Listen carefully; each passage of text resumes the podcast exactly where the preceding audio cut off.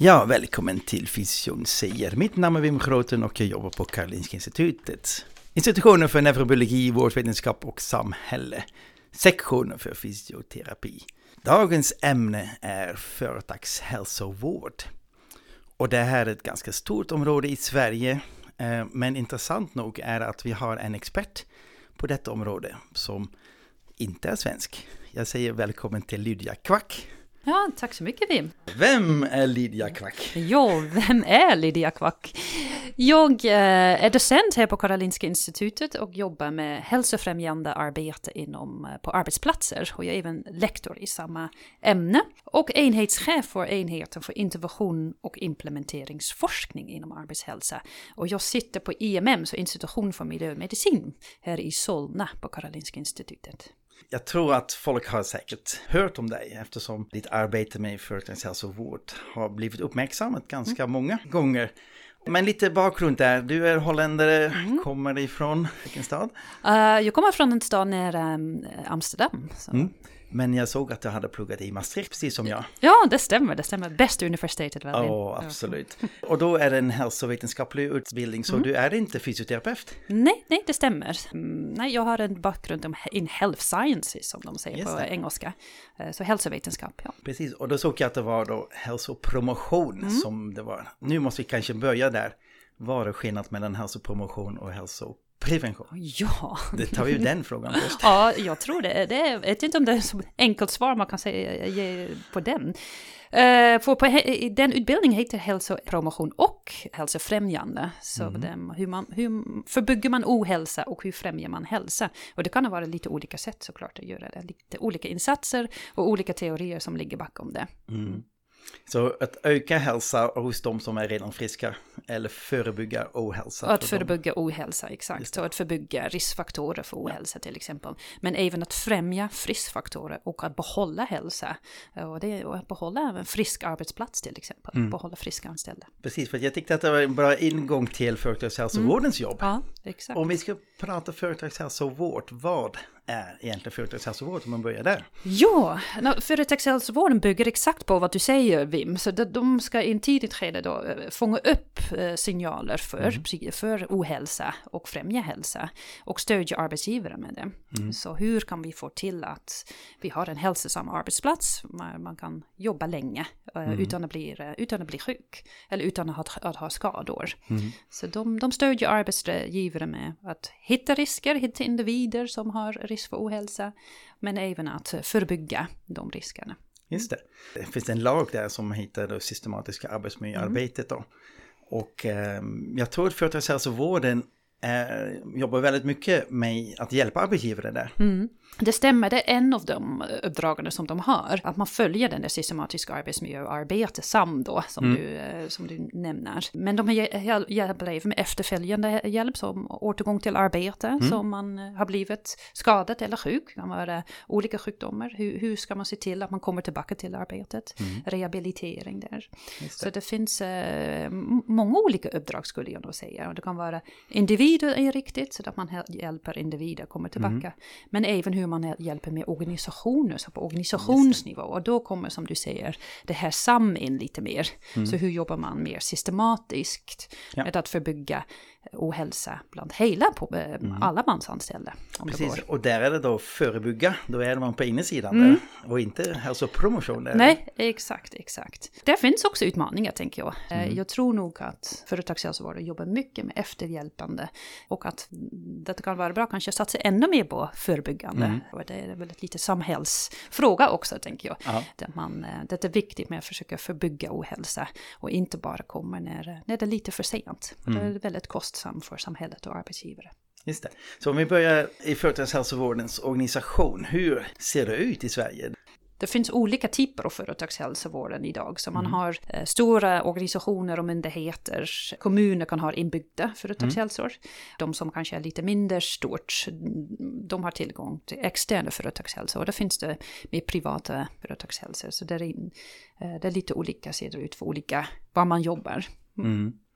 Är det företagshälsovård, är det något som är specifikt för Sverige och Norden och Holland eller är det hela världen? Har Hur ser det ut? Oh, det var nog en bra fråga. Jag vet inte heller. Nej, nej, och jag tänker nog att, ja, Holland vet jag att det finns, mm. uh, utöver egen erfarenhet då. Men man har Occupational Health Services säger man ja. Eh, och på, på engelska då hittar man, kollar man i litteraturen, det finns det. Men det, det ser väl lite olika ut kan jag tänka mig beroende på lite ansvars, vad man har för ansvar också. Mm. Men i Sverige är det väldigt van och många som har tillgång till företagshälsovården. Så så är det verkligen. Det. Eh, jag ja. tror två tredjedel av arbetstagare som har tillgång till. Det var en bra gissning. Jag, jag googlade nu precis innan jag började. Det finns 450 företagshälsovård i Sverige. Sverige. Som då täcker till 65 procent av alla sysselsatta. Ja. Sen googlade jag lite till och då kom jag på Wikipedia och där säger de att det är 600 företagshälsor. Ja, ja, som täcker 70 procent av, så jag vet inte riktigt vilken källa man ska välja. Nej, och det har det säkert ändrat också Wim, för jag mm. tror nog att många stora företagshälsor också har köpt upp lite mindre stora företagshälsor och då har det blivit kanske lite färre. Vem jobbar egentligen inom företagshälsovård? Jag vet att det är fysioterapeuter, men jo, det finns fysioterapeuter, andra. exakt. Men jag tror nog de flesta är företagssköterskor, eh, företagsläkare, ergonomen, arbetsmiljöingenjörer, beteendevetare, mm. psykologer. Men det är även hälsoutvecklare och hälsopedagoger. Just det. Så det är, det är väldigt blandat. Ehm. Vad gör du för företagshälsovården då? Ja, vad jag gör för företagshälsovården. Så jag har jobbat med hur man kan stödja evidensbaserad praktik mm. inom företagshälsovården. Och då kan man tänka sig att hur, hur, hur jobbar företagshälsovården i, i dagsläget och jobbar de med effektiva metoder, effektiva mm. insatser? Och um, hur kan vi stödja dem med kanske förbättra den arbete som de gör? Uh, så jag vill inte påstå alls att de inte jobbar evidensbaserat, men hur kan man se till att det blir ändå bättre, att det kommer in förbättringar. Ja. Så 2011 fick eh, min kollega Irene Jensen mm. programstöd från Forte och även från AFA ja. för att se hur, hur kan vi nu främja då att det kommer mer evidensbaserade metoder inom företagshälsovården. Ja. Eh, och det var också baserat på regeringsuppdrag och hon blev även professor då i metoder i företagshälsovård. Mm. Och det har ju varit involverat i det programmet på olika sätt. Mm. För att eh, evidensbaserade metoder, eh, kan ni nämna no någon som du tänker på? Vad kan det vara ja, för något? Vad kan evidensbaserad metod vara? Till exempel motiverade samtal. Just det. En evidensbaserad metod. Så när man säger någonting är evidensbaserat betyder det att det finns tillräckligt för evidens för att säga att den är effektivt i att leda till en förändring för, som man då förväntar sig. Ja. Som leder motiverade samtal eller förändring i matvanor till exempel. Ja. Men det finns även när det gäller alkoholvanor finns också evidensbaserade metoder. Mm. Men det är inte så enkelt. Det är inte så enkelt att, att hitta och inte så enkelt att veta. Men när är någonting evidensbaserat? Är det mm. när jag har jobbat med det för 20 år? Ja. Eller är det när forskning har visat att det finns evidens för det? Mm. För att jag kan tänka mig att det är svårt i, om man tänker hälsopromotion. Hur kan man bevisa att någonting ger ökad hälsa? Ja, exakt, exakt. Då blir det kanske enklare att tänka sig en rökavvänjningsprogram. Ja, precis. Är det evidensbaserat ja eller nej? Ja, nu har så många slutat med röka eftersom, ja, efter de har fått det här. Ja.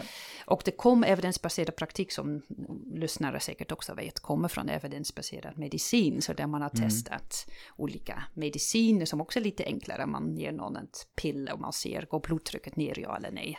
Så där, um, men det är lite komplexare inom hälsopromotion, hälsopromotion, för det handlar ofta om mer komplexa interventioner ja. som består av olika delar och man vet inte riktigt mm. vilka delar leder till vad, eller behöver man alla delar?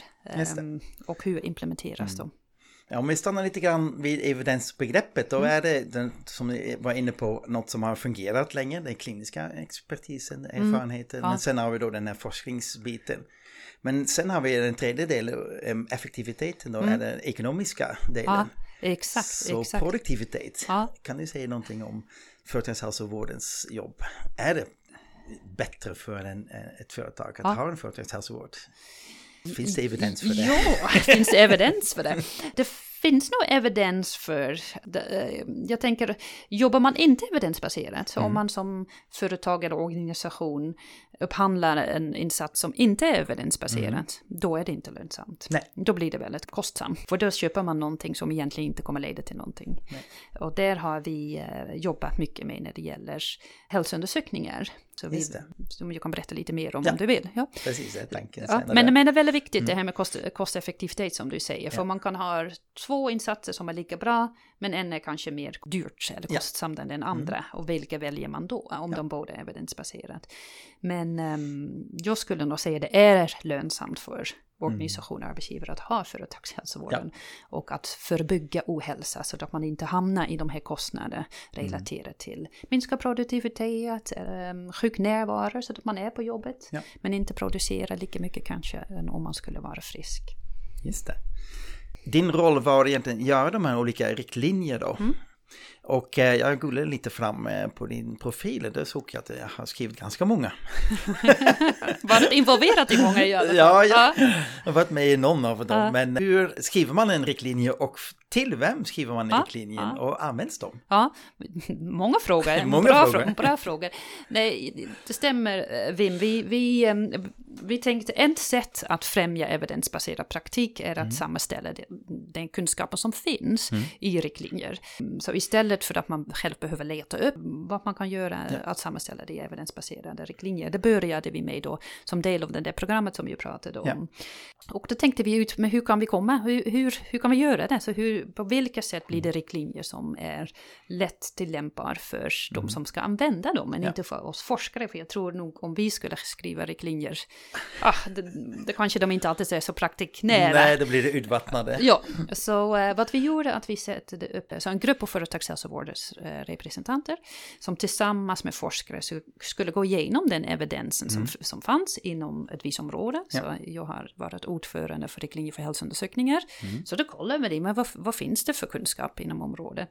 Och att vi då tillsammans också skrev texten till, till riktlinjen. Och det har vi under ett och ett halvt år mm. har vi haft olika möten eh, mm. och träffat eh, vid Företagshälsans branschförening i ja. deras lokaler. Och haft olika föreläsningar men också stunder där man tillsammans då tänkte men hur, hur kan vi tillämpa det här? Vad ja. behöver vi? Vad, är det här någonting som är rimligt att göra mm. inom företagshälsa? Och det har varit otroligt ro roligt och värdefullt. Ja. Jag kan säga, skulle verkligen rekommendera alla att göra det tillsammans. Mm. Som att man inte, som sagt, som forskare själv Nej. försöker göra det här. Nej, för att du har verkligen blandat in en hel del kliniker också. Exakt, exakt. De som jobbar där och ja. arbetsgivare var med också. Ja, arbetsgivare var med och eh, företagshälsovårdens personal har varit med. Um, och beroende lite på vilken typ av riktlinjer, ja. om det nu då var företagssköterska eller en, en arbetsmiljöingenjör, mm. um, har vi då sammanställt. Vi har varit grupper av runt tio personer. Mm. Och vad, vad, kan man hitta dem om ni, de som jo, lyssnar nu? vad jag själv är lite stolt över är att, eh, så först var det här en del från vårt enhet och eh, det var vi på enheten som har tänkt ut den här modellen, så hur ja. kan man göra det på bästa sätt. Men det kände vi också efter vi hade gjort några riktlinjer, men det här är egentligen någonting inte forskningsrelaterad längre. Nej, det här ska precis. vara någonting som myndighet ska vara ja. ansvarig för. Så det tog faktiskt Minak över ja. Eh, själva ja, vårt modell eller vårt mm. sätt att arbeta. Och uh, nu har det kommit två riktlinjer om jag säger rätt ut i, uh, som bara Minak då har varit ansvarig för. Uh, lite i samarbete med oss fortfarande. Ja.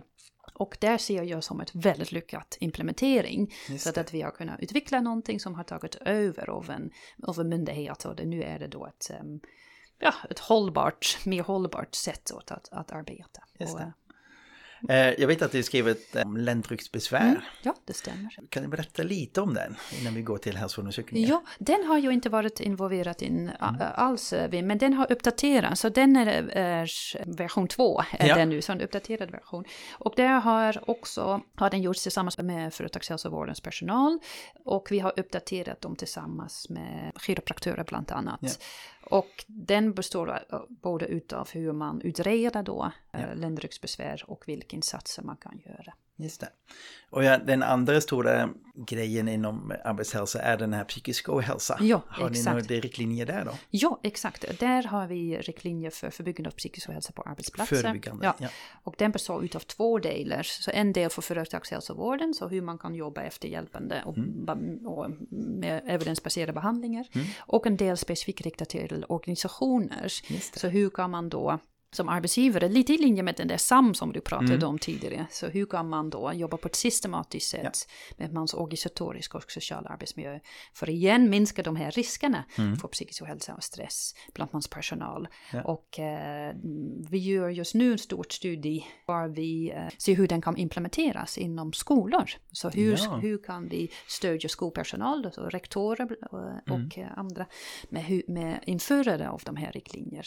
För det är, eh, det är nog den nästa stora utmaning. Det. Hur, hur, hur för vi till att de här riktlinjerna används? Jo, för det måste vara lite specifikt då för specifika branscher. Jag kan Mm. tänka mig att eh, kontorsarbetare har ett problem och, och vårdpersonalen Mm. ett annat och Exakt. inte one size fits all. Nej, nej, och där tycker jag att de här riktlinjerna för psykisk ohälsa har Mm. ett bra eh, arbetssätt att man då gör kartläggningar så man kartlägger själv vilka Mm. riskfaktorer finns det specifikt i vårt bransch eller i vårt, eh, Ja. Mm. på vårt arbetsplats och hur kan vi nu då jobba med de här specifika problemen. För jag märker det i skolor också, det kan variera bland eh, fritidspersonal och lärare till Just exempel, eller lim- gymnasielärare. Ja. Eh, all, det, det finns olika riskfaktorer för psykisk ohälsa Ja. i olika yrkesgrupper. Och då är det otroligt viktigt att man har då eh, insatser som är specifikt riktade till det. Ja. Mm. Ska vi komma in nu på vårt specifika område Ja. då, hälsoundersökningar. Mm. Vi måste skilja kanske mellan hälsoundersökningar och medicinska kontroller om vi börjar där. Ja. Det finns en lagstiftning ja, där kring, eh, kring medicinska kontroller Ja. om man jobbar med plaster och sånt där. Ja, exakt. Och de är, det är man väl ansvarig att göra det som arbetsgivare. Eh, Det kan vara att man behöver ha ett visst fysik Ja. eh, för att kunna göra ett visst arbets... Mm. eh, Ja. Piloten måste kunna se bra. Ja, exakt. exakt. Ja. Exakt. Ja. Och det är de som vi inte har jobbat Nej, med, även då precis. det finns finns fortfarande intresse för att göra det, för även där tror jag att det finns ett behov av riktlinjer. ja. Vilka Eh, tester ska vi använda för vilka yrken Ja, och sånt där? exakt. Eh, Men den som vi har jobbat med då är hälsoundersökningar. eh, Och då är det lite mer också hälsopromotionsperspektiv som vi då har valt att, Mm. att eh, Ja. fokusera på i de riktlinjerna. hur, hur går det till no- normalt här nu? En arbetsgivare erbjuder sina anställda att gå på hälsoundersökning. Ja, eller kan ju erbjuda. Ja. Kanske inte alla gör det. Nej. Men det är, hälsoundersökningar är den andra största tjänst från företagshälsor. Så den, eh, den är väl, de är populära och väldigt olika tror jag, väldigt varierande. Om det är ett enkät som man fyller Mm. in om eh, olika saker, bland annat levnadsvanor kan det vara. Mm. Men det är också vissa eh, arbetsgivare som erbjuder eh, cykeltester till exempel, eller blodprover, eh, Mm. kolesteroltester. Så det är väldigt olika hur det ser ut, eh, vad, vad som ingår i hälsoundersökningar. Just det. Och då var det den här evidensen då för Mm. att en hälsoundersökning är effektiv då. Mm. Hur ser det ut på den fronten Ja, då? exakt. Det var en otroligt stor debatt eh, några år sedan om det, som Mm. du säger Wim. Ehm, jag vet att det fanns rubriker som som- att det stod hälsoundersökningar ger ingen effekt eller Mm. eh, satsar verkligen inte på det för det, det blir inga förändringar. Mm. Och då ehm, trodde det var du Wim som var in, Ja. involverad i en finsk rapport som skrev om eh, men hur, hur, varför är det då så? Varför tror Mm. vi att de inte är eh, evidensbaserat eller effektivt? Och det verkar som att det finns en skillnad mellan olika typer av hälsoundersökningar. Och att de hälsoundersökningar som endast innehåller en kartläggning, så att man bara eh, tar blodprover och kanske kort återkopplar, du har för högt kolesterol, eller att man endast med att eh, kartlägga eh, alkoholvanor om man bara återkopplar, du dricker för mycket. Det, den leder inte till någon beteendeförändring och det vet vi också eh, i beteendeförändring att det behövs lite mer än att endast ge återkoppling på Ja. hans beteende. Ehm, I alla fall för de flesta räcker det inte till, till att det blir en förändring i beteende. Mm. Så de hälsoundersökningar som har efterföljande insatser som vi då Ja. eh, har kollat på, där finns det eh, evidens för att de är effektiva Ja. och leder till en beteendeförändring och även i vissa fall till då eh, bättre hälsa. Då måste jag tänka, vad står då i era riktlinjer? Är det då en av de här riktlinjerna att ni vill att eh, man satsar på en hälsoundersökning med intervention efteråt? Exakt, exakt. Så vi är väldigt tydliga med i den eh, riktlinjen att egentligen rekommenderar vi inte alls att endast göra hälsoundersökningar med som bara har kartläggningen. Eftersom det är en, en dålig inve- investe- in, investering. investering. För det, det, kommer inte handla, det kommer inte leda till någonting. Nej. Eller till väldigt, väldigt lite. Ja. Så det, vad vi beskriver i hälsoundersökningen är då ett modell hur man kan kartlägga men också vilka insatser man då kan göra för mm. att, eh, att det leder till beteendeförändring. En grej som jag, när jag höll på i tre år med detta, då fann jag att de som hade bra hälsa, mm. de var intresserade av att gå på ja. den hälsoundersökningen. Och de som redan visste egentligen från början eh, tänkte till, nej ska jag verkligen gå dit? Jag har redan mina kontakter inom vården, ja, det är ingenting för mig. Nej. Så att man inte hittar de som man vill hitta. Nej, eh, nej. Hur, hur ska ni göra då? Ja, göra? Ja, det tycker jag är otroligt intressant Wim och då har du helt rätt i detsamma tycker jag när företag erbjuder på gymkort. Ja. Är det oftast också de som redan går till gymmet som använder gymkortet. Ja. Istället för att ha en privat gymkort har man det för mm. Så um, jag är väldigt eh, förståndare för att man, man ska kolla på andra sätt att då nå de individerna. Mm. Till exempel genom förändring i arbetsmiljö, eh, mm. den fysiska arbetsmiljö, förändring i organisationsstrukturen, kanske man bjuder på vissa insatser och specifikt satsar på de individer som egentligen behöver mm. Eh, ändra beteende. Så att en, eh, evidensen säger att de som kollar den multimodala eller ja. multilevel interventioner som då inte bara riktar sig endast till informationsspridning till mm. exempel, um, som endast riktar sig till individer, inte alltid är så effektiva, så att man behöver mer, så man behöver nog mm. förändringar mm. i, i um, fysiska arbetsmiljö också. Och det var när jag disputerade, gjorde jag en studie om att främja att man tar trapporna istället för hiss till, mm. till exempel. Och många företag har hiss och, eh, det, och köer och man står tillsammans och pratar lite innan man ska ja. gå in i hissen. Men att man, det finns många hälsovinster att ta trappor istället. Mm. Och det är en av de insatserna som man kan göra. Man kan ha fotsteg som går till trapporna. Man kan ha affischer som man hänger upp och mm. säger ta trapporna istället för hissen. Ja, ja. Um, man kan ha små prompts i ja. hissarna som säger men free workout, ta trapp istället. Så, uh, mm. så det finns sätt att man kan anpassa, uh, men även när man bygger nya byggnader där man tänker också lite men var där trapporna är lättillgängligt. Tänk själv om man kommer till ett parkeringshus till exempel, är det oftast hissarna som man ser direkt och man måste leta lite efter trapporna och ja. känna sig man sig trygg att ta trapporna. Mm. Uh, så det finns relativt enkla knep mm. som man kan göra för att göra den hälsosamma val lite som den enklare val. Ja. Eh, som de säger. Det handlar säkert också om matsalar och så. Matsalar också, exakt. Det är, men att man försöker att också det gör det enklare för att hitta rätt. Och, mm. um, det kan vara att minska tallrikar, det kan vara att ändra ut, som själva mm. utbudet att det finns för, för produkter. Mm. Um, ja, ja, så de, mm. där finns också möjligheter verkligen. Ja. Om nu en arbetsgivare vill satsa på sina anställdas hälsa mm. genom, nu ska vi en stor satsning, nu ska vi ta hälsoundersökningen till exempel mm. till alla. Har man som arbetstagare rätt att neka sig? Nej, jag vill inte vara med. Ja, det har man sig.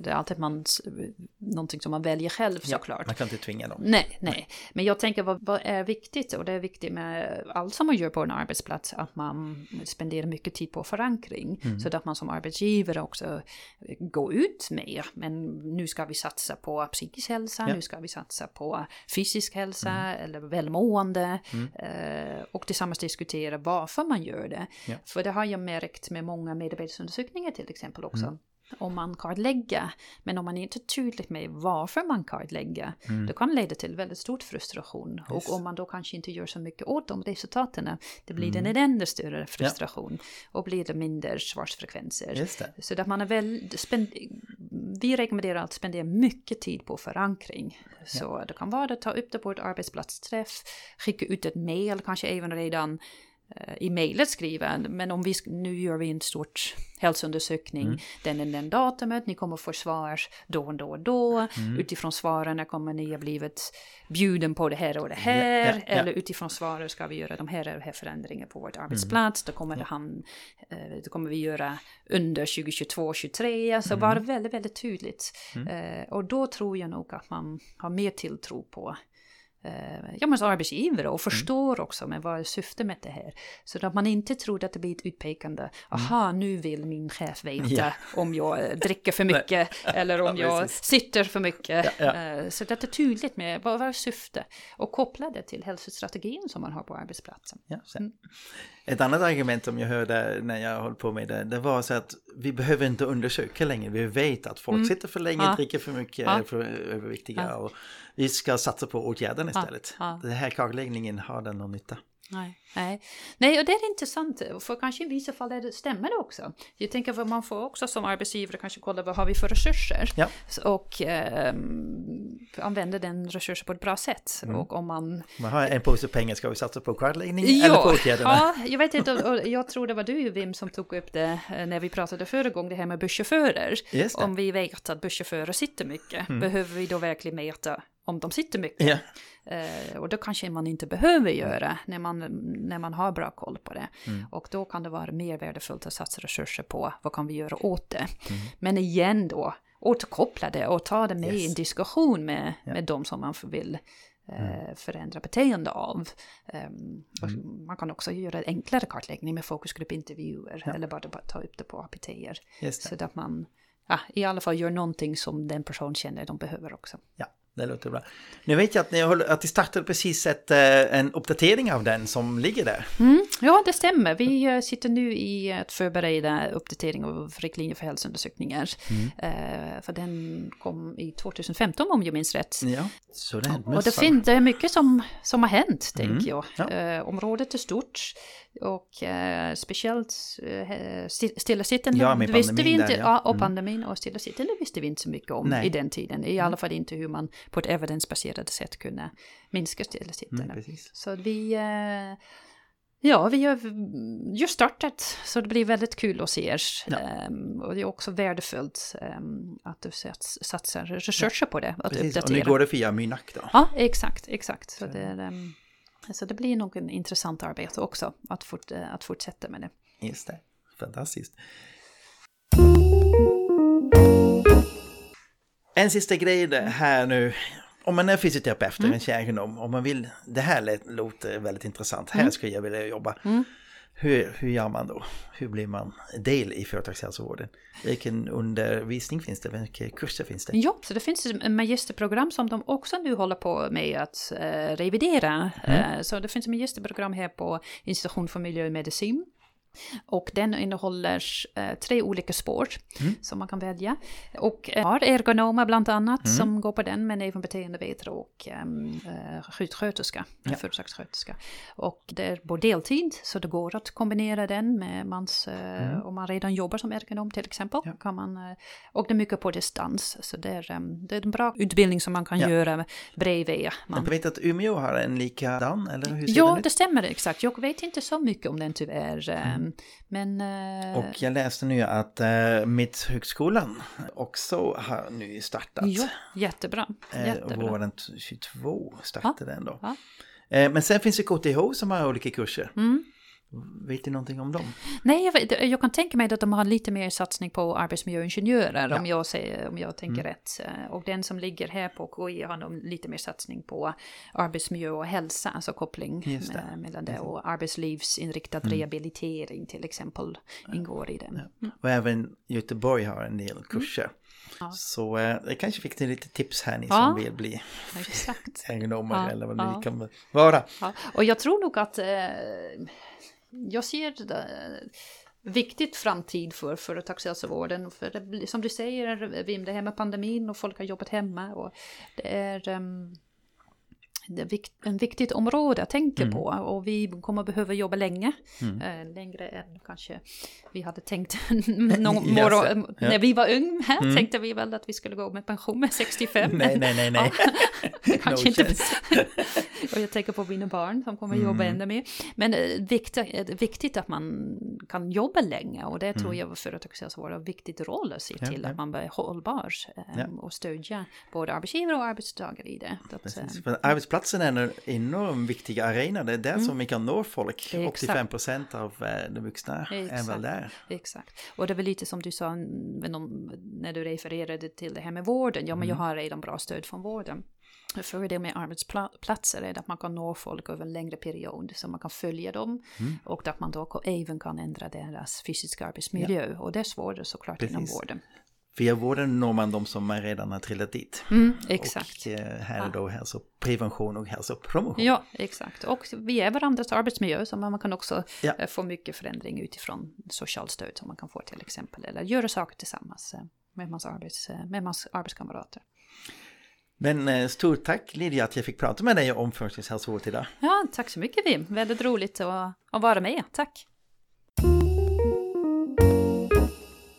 Du har lyssnat till podden Fysion säger, en podd som sänds från sektionen för fysioterapi på Karolinska Institutet. Fysion säger